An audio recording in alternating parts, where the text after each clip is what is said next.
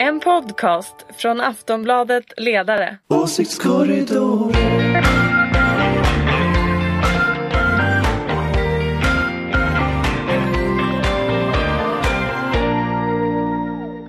Hej och välkomna till ännu ett avsnitt av Åsiktskorridoren, en podd om politik från Aftonbladets ledarredaktion. Det är stilla veckan och snart påsk, men eh, i bland partierna och i politiken, där är det ingen påskvila eller någon stillhet. Där jobbar man på.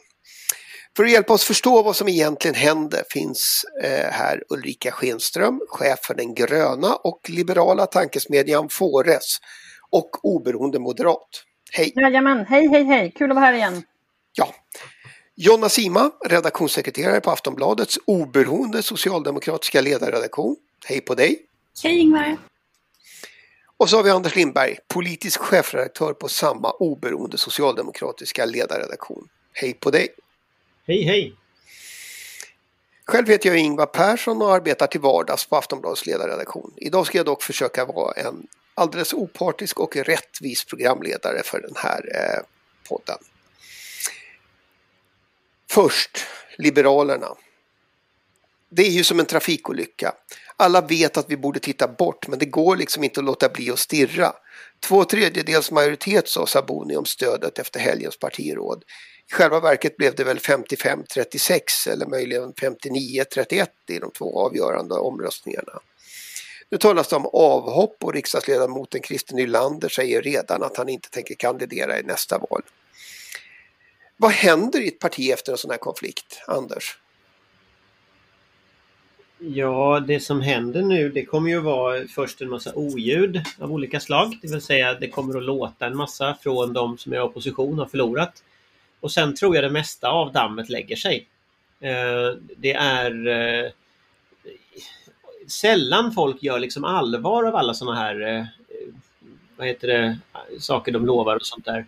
Ja, Christer Nylander skulle inte ställa upp i nästa val. Vi vet inte om han skulle gjort det annars. Och vi får väl se helt enkelt eh, vad, vad det blir. Än så länge så har de ju mest hintat om att de kanske ska hoppa av, men de har ju inte gjort det. Och om man jämför med andra såna här stora strider i historien som så här Juholt som blev avsatt.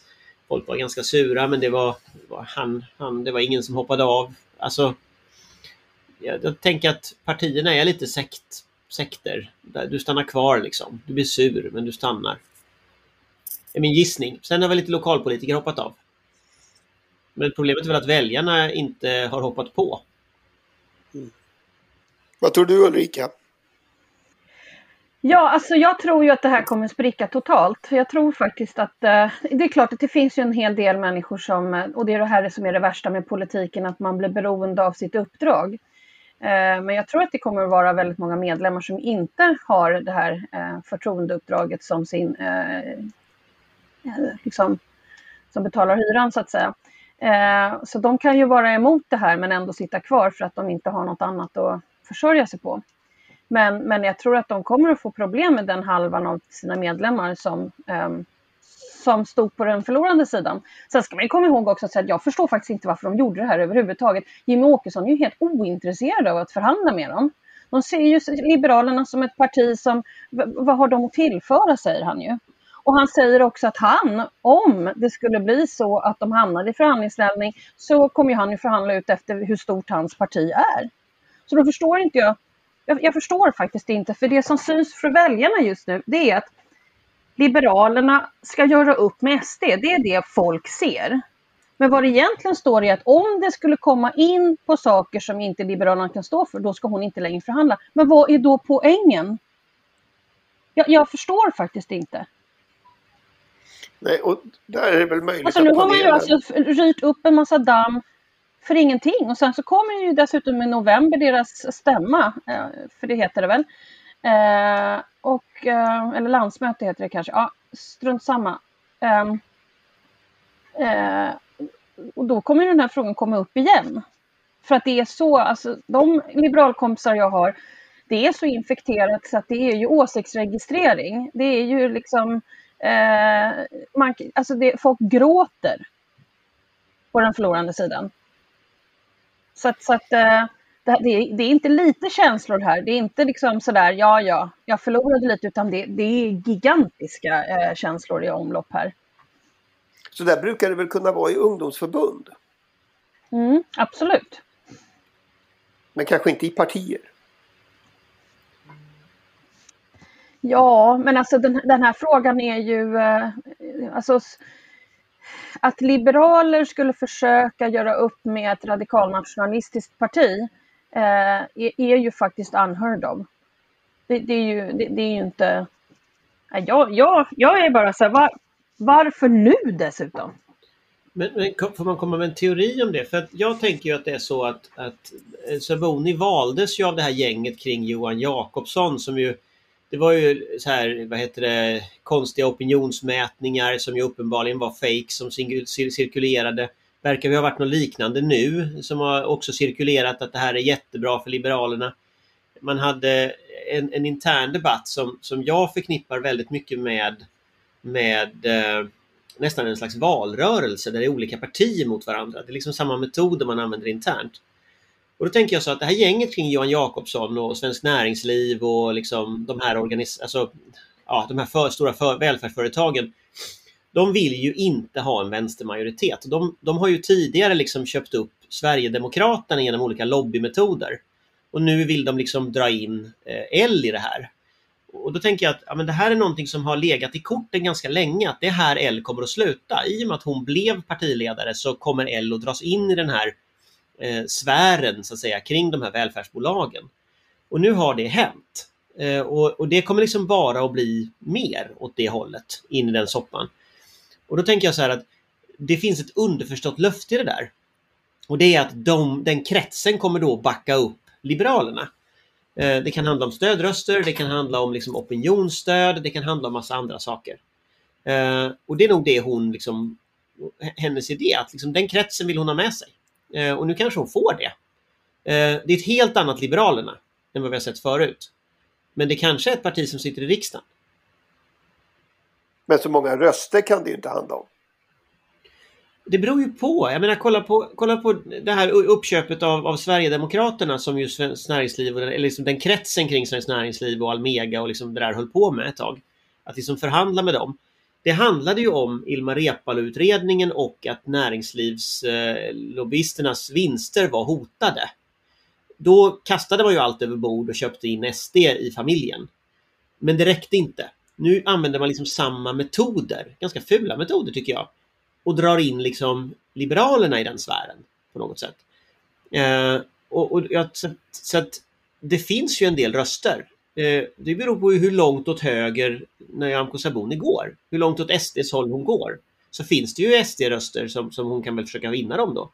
Hon har ju tidigare haft så förslag att obligatoriska gynkontroller för folk och sånt där. Det är klart att det är väl ett förslag som SD skulle gilla eller SD-väljare skulle gilla. Det är ju intressant om din teori skulle stämma att eh, ja, företag och näringslivet nu har fått den eh, ledning och inriktning på Liberalerna som de vill ha för det här eh, stora övertagandet i svensk politik. Men det kan ju också bli så att resultatet blir tvärtom. Att eh, Liberalerna förlorar ja, de är ju ett litet parti men många av dem är ju emot ett samarbete med, som har, behöver stöd av SD och att de då lämnar partiet.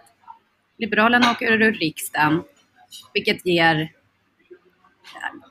Centern förmodligen en hel del extra väljare och även mandat och kanske ett bättre förhandlingsläge för Löfven eh, inför regeringsbildandet 2022. Så det kan ju bli liksom precis tvärt emot vad den här sinistra planen var för. Men, men, men det jag funderar på är att, för, jag, jag, tror att den här planen, eller planen, men jag tror att den här strömningen på något sätt har funnits ända sedan 2010 och Sverigedemokraterna kom in i riksdagen. För då skrev ju ett antal opinionsbildare, numera kanske mer kända ändå, som Paulina Neuding till exempel, Johan Lundberg, eh, skrev ju Marcus Uvell, eh, dåvarande VD för Timbro, opinionsbildare för det här, att de opinionsbildade ju för en annan slags borgerlighet som skulle ligga mycket närmare Sverigedemokraternas, där Sverigedemokraterna skulle ingå och att det skulle utgöra någon form av majoritet av väljarna. Det var ju liksom den retorik och de skrev en artikel om att vi måste prata om det negativa med invandring eller vad det hette precis efter valet och Sverigedemokraterna hade kommit in. Den strömningen har ju varit ganska konstant nu. Den har tagit över Moderaterna, den har tagit över Kristdemokraterna, den har fått Svenskt Näringsliv att få SD med i familjen och nu tar den över Liberalerna. Alltså det, det är liksom ingen ologisk, eh, ologisk tanke att bygga någon slags brunblå liksom, eh, allians. Men vad jag hela tiden haft som invändning, hel, från dag ett när de kom med det här projektet, det är att jag tror inte det finns 51% konservativa väljare i Sverige. Jag tror det finns kanske 40-45% konservativa väljare. Så att när du ställer det alternativet mot något annat så kommer alltid något annat att vara större. Och det har varit min invändning hela tiden. Och det beror på att den svenska borgerligheten i grunden är liberal. Eh, den är inte kristen, vilket borgerligheten i andra europeiska länder är. Den har inte en koppling till den typen av folkrörelser eh, som katolska kyrkan eller de stora kyrkorna till exempel. Utan den är sekulär och den är liberal. Eh, och att den då skulle hamna i knät på den strategin är, alltså det är helt ohistoriskt att tro det. Eh, men de har trott det i tio år nu.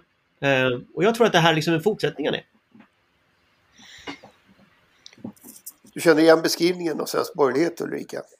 Nej, men alltså svensk borgerlighet är ju eh, mer liberal eh, och det som har varit min invändning hela tiden det är att eh, eh, om det nu finns någon, någon, någon, eh, något korn av sanning i det Anders drog så är det ju då alltså inte gjort eh, då på grund av ideologiska eh, orsaker.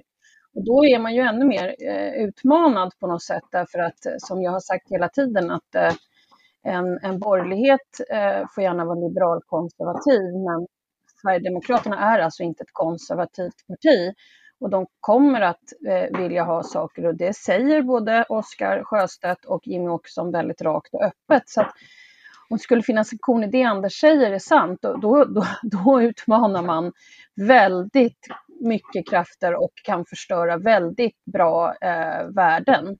Så att, eh, eh ja. Men är det, inte, är det inte också lite, eh, finns det inte en annan eh, liksom, fråga att ställa till den analysen och det är ju att eh, Liberalerna och Centerpartiet har ju varit en utmärkt garant för eh, välfärdsföretagens vinster i den konstellation de sitter nu. Eh, det verkar ju väldigt dumt att överge den. Fast jag tror att det finns en idé här om en långsiktig borgerlig majoritet som får en stor grupp arbetarväljare att rösta på ett högeralternativ. Och Moderaterna har ju försökt med det förut. Ulrika var ju mästerlig när hon var Nya Moderaterna. Eh, och, och tittar vi historiskt så har en 20-25 procent av LO röstat men, men det var inte på grund av högerkrafter utan... utan... Nej, men att, att man fick arbetarväljare att rösta. Ja. Mm. Det finns en sån här kul eh, reklamfilm som du säkert, det säkert du som gjorde den, men där det kommer in en gubbe i en byggfutt liksom. Mm. Och så, eh, tror jag det var, jag för mig det. Och så tar han av sig tröjan och så har han så här Fredrik Reinfeldt-tröja på sig. Det finns en ännu roligare, det är när han tar fram sin kopp och så är det Fredrik på koppen och alla i, i byggbaracken håller på och bryter ihop. Det är väldigt roligt jobbat, det var kul. Ja. Men det var inte Nej, men, på grund av de här koppen eller den här t-shirten, det var ju för att vi gjorde arbetslinjen och så vidare. Och så. Absolut, men det intressanta var att man fick eh, arbetarväljare att rösta på Moderaterna. Men det tog ju slut 2010 när den gruppen i rätt hög utsträckning gick vidare till SD. Och tittar vi i andra länder så har högerpopulistiska partiet ofta dragit arbetarväljare. Så att det finns ju en logik i analysen att om du kan få ett högerpopulistiskt parti ombord i det borgerliga projektet, ja då kommer du vinna arbetarväljare och då kan du komma över 51% Jag tror det är den långsiktiga idén. Uh, och den, den idén är inte, men den är inte strategiskt helt korkad. Men som sagt, jag tror inte svagheten är att SD vinner arbetarväljare. Jag tror svagheten är att borgerligheten inte är konservativ. Jag tror att väljarna inte är konservativa heller. Att det är det. Eh, jag tycker att Bengt Westerberg intervjuades i någon, någon podcast, jag minns inte vilken, om att han tyckte att, att det här var fel. Bengt Westerberg intervjuades i en podcast om Liberalernas vägval, men det här var innan i söndags då, då där de gjorde den här omröstningen. Eh, och då så sa han att, att det har varit, narrativet nu har varit att man måste gå åt höger för det är där väljarna finns. Men att det faktiskt inte stämmer utan att eh, man inte får släppa det här socialliberala arvet för att, det, att många väljare faktiskt eh, finns där att hämtas. Som, och då nämnde han bland annat ditt projekt med Nya Moderaterna. Att det var inte förrän man plockade upp de idéerna som man faktiskt kunde nå 30 procent av väljarna. Eh, och idag så är det väldigt mycket en tävling i, på högersidan om vem som är ja, mest åt höger, fast det är inte där väljarna står. Så det har blivit ett konstigt glapp mellan Men då måste man ju också göra beräkningen att man kan tappa väljare och då har man gjort beräkningen då att man tappar eh, väljare till exempel i storstadsregioner eh, och i sådana städer som Lund och, och, och så. Att man, att man tappar då de, de vart då då? Till Centern och till eh, Socialdemokraterna? Är det, för så måste man ha gjort själva analysen. Då. Alltså, jag tror de har gjort två, eller jag, nu vet jag inte hur skickliga de är på att göra väljaranalyser, men när man, när man gör väljaranalyser idag så måste man skilja rätt mycket på hur kvinnliga väljare och manliga väljare röstar. Och jag skulle tro att om de har gjort en analys av det så är målsättningen att vinna manliga väljare. Men att priset är att man tappar kvinnliga akademiker i storstäderna. För det tror jag man gör till Annie Lööf med det här. Och då måste ju de, det man vinner måste ju uppväga det man förlorar. Ja, men det är det jag menar. Och det undrar jag om man riktigt har räknat hem. För att, för att alltså, om man tar Fredrik Strage-väljarna förra Ja, gången. ja. De litade ju redan då inte på Liberalerna. Men det fanns ju ett gäng som ändå gjorde det. Och frågan är nu, det var, jag tycker Anna Stabrink tror jag det var som sa det på i, i den här konstiga Söndagsövningen. Mm. de hade i söndags.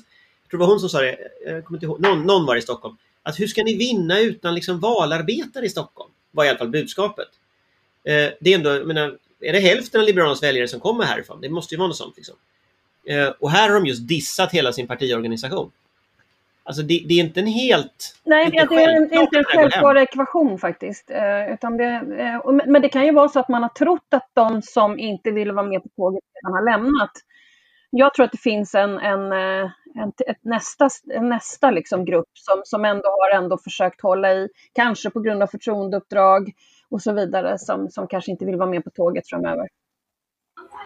Jag, Men jag för... Mm. ja, Nej, men jag, jag skrev om Liberalerna igår och fick eh, en hel del mejl från liberaler. Och då var det dels en del som tyckte att vi borde plugga på Landskrona-modellen. Eh, där eh, Liberalerna sedan en tid regerar ihop med Moderaterna, Miljöpartiet med stöd av SD, tror jag. Att det är någonting som man försöker implementera eller vill, vill se på riksnivå. Men också att det var påfallande många som, som kände att deras parti är kapat av den här partitoppen. Att de liksom har rensat ut det gamla partiet och tagit, alltså, tagit över och gjort det till ett annat. Och eh, den känslan är nog inte helt lyckad ett år före valet. Men, men där tänker jag att de har rätt i det. För jag tror nog att valet av Nyamko Sabuni, den här medlemsomröstningen man genomförde, det sättet den genomfördes på, eh, det får nog jämföras med en slags kupp. Eh, det var liksom ett, ett nytt valsystem, en ny modell för hur man skulle sprida information och sådär. Där liksom ett gäng som var skickligt på det interna spelet liksom tog hem det. Eh, men om de faktiskt liksom har de hade ju inte partietablissemanget på det sättet bästa för ögonen utan de hade ju den här idén liksom, knuten till välfärdskapitalet som är. Eh, jag har varit i Landskrona och gjort reportage om Landskrona-modellen och intervjuat alla de där personerna som, som, eh, som eh, är inblandade inklusive eh, Torkel Strandkils med den, den ledande liberalen där. Och jag skulle säga att, att de som lyfter fram den, de, de missar skillnaden mellan lokalpolitik och rikspolitik. För han är en väldigt karismatisk, skicklig politiker. Och jag skulle säga att han är en typisk så här, som en sån här röd patriark. En sån sossepolitiker i bruksort. Fast han är liksom blå patriark i Landskrona. Och de där är väldigt personberoende. Med en annan person i toppen för Liberalerna så hade lika väl Moderaterna kunnat vara största parti där. Eh, så, att, så att man kan inte ta kommunpolitik och göra rikspolitik av. Det går inte. Rikspolitik är mycket, mycket mer ideologisk än, än kommunpolitik. Och kommunpolitik handlar ju om personrelationer. Och du ser, inte, du ser inte riktigt de där kvaliteterna hos Nyamko Sabuni.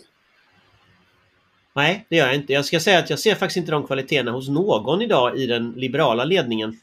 Eh, Det finns väl vissa kvaliteter hos Johan Persson. Han är väl en sån person som har liksom partiledaregenskaper. Men i övrigt så är det väldigt tunt. Alltså det är ett parti det är ett parti där som liksom betonar kompetens väldigt tydligt men som saknar företrädare som, som känns särskilt liksom kompetenta. Det är väldigt märkligt faktiskt. Torkel Strandkile är en oerhört imponerande person ska jag säga.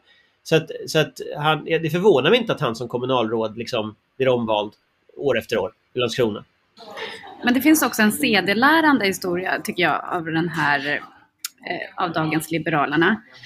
Och det är att som partiledare bör man veta när det är dags att gå. Eh, Jan Björklund ville ju inte avgå. Trots att eh, det höll nästan på att bli en kupp även den gången när Birgitta Olsson visade väldigt tydligt att hon ville ta över. Och det var ju före valet 2018. Eh, och sen så höll han sig kvar med näbbar och klor med stöd från många av de socialliberaler som nu är förtvivlade. Eh, och sen så avgick han strax efter valet och så kom Nyamko Sabuni in som inte alls stöttade januariavtalet och liksom inte hade någon trovärdighet med att försvara det avtalet för, parti, ja, för, för sitt parti och medlemmarna. Eh, och så gick det som det gick. Om man jämför dem med Annie Lööf som liksom var med hela vägen och fick partiet bakom sig i den här dealen. Så där tänker jag att det är lätt att vara efterklok, men hade de gjort ett partibyte före valet, någon som var med hela vägen och liksom kunde ja, leda dem genom januarisamarbetet så hade det kanske inte det här, den här problematiska situationen uppstått. Så det är väl någonting för andra partiledare. Tänk du, på... Du, du vill att folk ska avgå oftare? Du vill avsätta Löfven eller vad är liksom? Nej, ja, men alltså man ska nog fundera på både sitt och sitt partis eftermäle och bästa. Inte sitta för länge. Hörni, eh, nu har vi igen pratat om Liberalerna eh, en stor del av det här programmet. Jag tänkte vi skulle ta något ämne till. Eh, I helgen sa ju vaccinsamordnaren Richard Bergström att Sverige kommer att missa målet om att alla ska erbjudas två doser vaccin innan den första juli. Eh, nu är han lite mer optimistisk igen för han har fått tag på ett vaccin från något som heter eh, Janssen. Eh, men vi pratade ju om det här med att missa målet för någon vecka sedan. Eh, och dessutom har vi sett eh, bilder på köerna utanför Sabbatsbergs sjukhus där man har inrättade en drop-in vaccinering i helgen och alla 75-plussare stod i timmar i regnet och väntade. Håller tålamodet med allting på att ta slut nu Jonna? Ja, det är klart det gör, men jag tycker ändå man ser lite ljus i tunneln. Mina föräldrar har fått vaccin, det är jag väldigt glad för. Jag hoppas att andra 75-plussare också får det alldeles strax. Så eh, det känns ändå som att det rör på sig, men alldeles för långsamt såklart.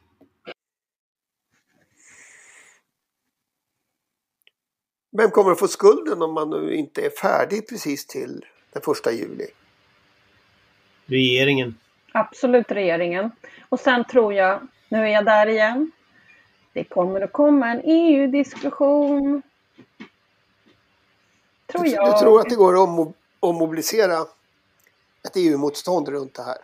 Jag, jag, jag baserar detta på unga människor i min närhet som inte är särskilt politiskt aktiva eh, men som i kommentarer säger jag fattar inte varför vi ska vara med i EU längre. Och så säger jag, men du förstår väl varför EU är bra?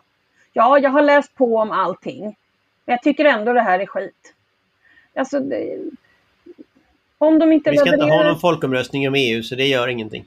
Nej, det hoppas jag verkligen att vi inte ska ha. Men jag bara varnar, jag har bara ett varnande finger här att jag tror att det finns de som gärna skulle vilja ha en folkomröstning vad gäller EU framöver. Men, men eh, det får vi hoppas att, att eh, Kristersson inte säljer ut till, till Jimmy Åkesson i, eh, om, om, om de ska bilda regering. Eh, så att det blir som i Storbritannien Göran allting. Cameron. Mm. Men, Göran Cameron. Eh, nej men att, att eh, det skulle vara roligt om Liberalerna leder Sverige ur EU också genom att folkomröstning. Å andra, å andra sidan, inte för att jag inte håller med dig om att jag skulle tycka det var förfärligt med en folkomröstning och EU. Men Boris Johnson har ändå fixat det här med vaccinationen och kommer att öppna upp hela Storbritannien i juni. Fast det har han inte. Han har, han, alltså Storbritanniens siffror med överdödlighet och, och tittar man på, på hela genomgången av, av det. Så, det är bara känslan så, av det. Nej men alltså det är, det är ingen känsla. Jag menar, tittar du på siffrorna så är det glasklart. Det har gått fullkomligt åt skogen för Storbritannien. Och, och London Men har de, gått helt fick, åt men, skogen. de fick, men de fick vaccin, Anders. De är inte vaccinerade än. Alltså, Nej, och de, men de och, om, fick vaccin. Jo, jo, fast de är inte Jag, vaccinerade bara, än. jag försöker bara träna dig i det kommande Ja, ja, ja, diskussionen, du, du gör det. Men, men de, de är inte vaccinerade. Alltså jag vet att Du Boris skriker, Johnson Anders. försöker... Ja, men jag kommer sänka det sen, det är lugnt. Jag vet att Boris Johnson kommer att sälja det som att han, är, att han fixar det. Men grejen är att tittar vi på dem så det skulle inte förvåna mig om Sverige och Storbritannien blir klara ungefär samtidigt. Ja, men det Däremot känns... Israel verkar ju klara bra. Ja, ja, Men det- men det är det bra. Man behöver inte förbereda det som sagt. Va? Det här kommer Jag, ska, jag ska gå med i Israel. Jag tycker de verkar vara mycket bättre strategi. Men tror du att Lena Hallengren kommer vara lika skicklig som Boris Johnson på att sälja att hon har vaccinerat befolkningen? Nej. Jag tror faktiskt inte det. Hon saknar väl eh, lite hans skamlöshet i att ljuga så fort han öppnar munnen. Så att det kommer ju vara jobbigt. Kan Han, är, han, han, han kommer ju att ljuga sig rätt igenom det här som han ljuger sig genom allt annat. Det är någonting ju liksom som eh, vår, vår regering är rätt dålig på. Att slå sig för bröstet när, när saker och ting går bra eller göra lite PR. Alltså som igår så gick Sverige om Danmark i antal, andel vaccinerade. Det kan man ju slå på stora trumman för eftersom det har varit ett land som vi har jämfört oss mycket med. Eh, Fast ärligt talat, eh, har man inte hellre, har man inte hellre de där tråkmånsarna som ändå administrerar det här ordentligt än liksom den här clownpolitiken från Storbritannien eller liksom Danmark. Danmark har ju så här fulkört mot oss hela tiden och kommit med så här pikar hit och pikar dit. Det vill man att regeringen håller på så. Det. Okej. Du kanske har poäng. det de vill i Danmark. Men jag är, sån, jag är en tävlingsmänniska vet du väl? Allt är en tävling. Ja, men det betyder att eh, vi, vi har en Brexit eller en Swexit-debatt att vänta i det här. Nej, det vet vi inte, men alltså jag bara varnar för att man ska vara förberedd. Annars är man ju som sagt inte förberedd som någon sa. Men alltså jag tror så här att den debatten vi har det är en lexit. Det är alla liberaler som lämnar Liberalerna. Det är den lexit-debatten vi kommer att ha. De två EU-parlamentarikerna har väl redan lämnat, i alla fall den ena. Den andra verkar på god väg. Hade de två? Hade de inte bara en? Nej, två. Jag, jag tänker att en Lexit-debatt måste i alla fall bli det minsta man kan tänka sig. Då är man, då är man nere och har en mycket liten debatt. Eh,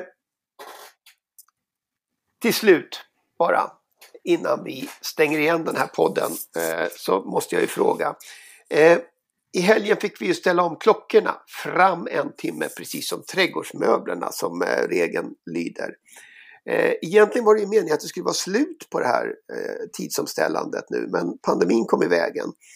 Eh, vad tycker ni om sommartiden? Ulrika, du kan väl börja? Nej, men alltså jag tycker om den på grund av att det, det blir liksom ljusare och sådär. Så därför tycker jag ju om den. Men jag känner mig ju jetlaggad alltså efter den här veckan. Jag skojade lite på det där sista. Ni, ni trodde jag menade allvar. Nej, jag, nej jag, tycker att, jag tycker om ljuset. Jonna? Ja, nej, det har förstört hela min vecka. Jag sover inte på kvällen och vaknar inte på morgonen. Så det är alltid besvärligt tycker jag. Men jag har förstått att eh, man inte ska tycka så.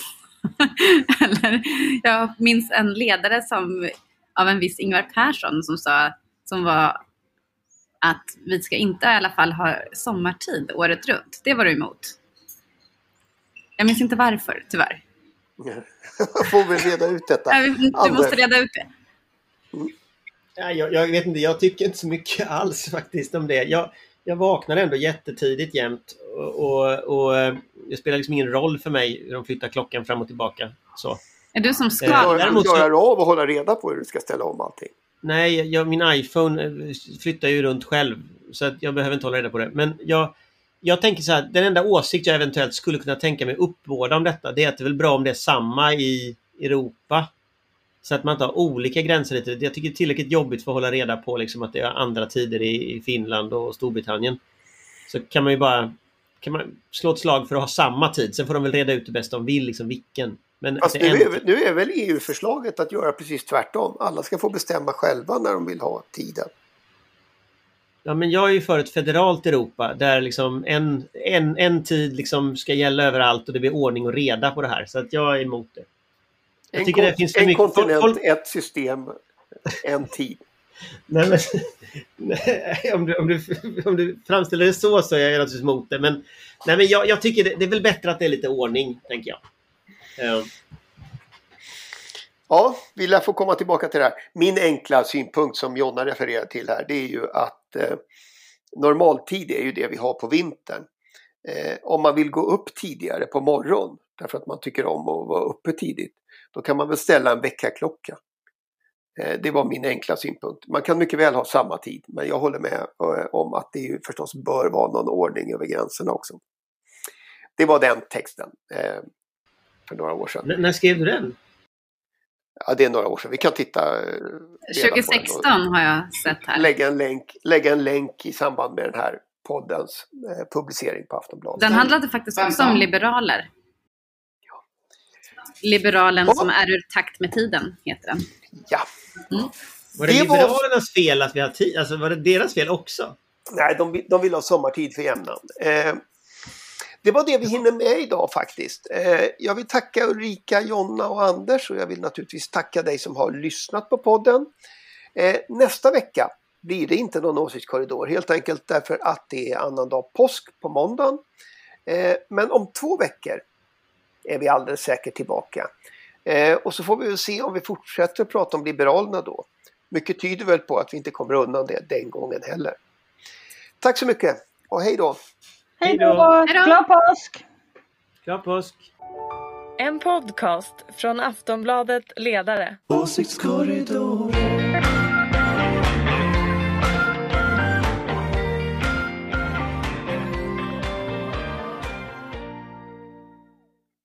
Du har lyssnat på en podcast från Aftonbladet. Ansvarig utgivare är Lena K Samuelsson.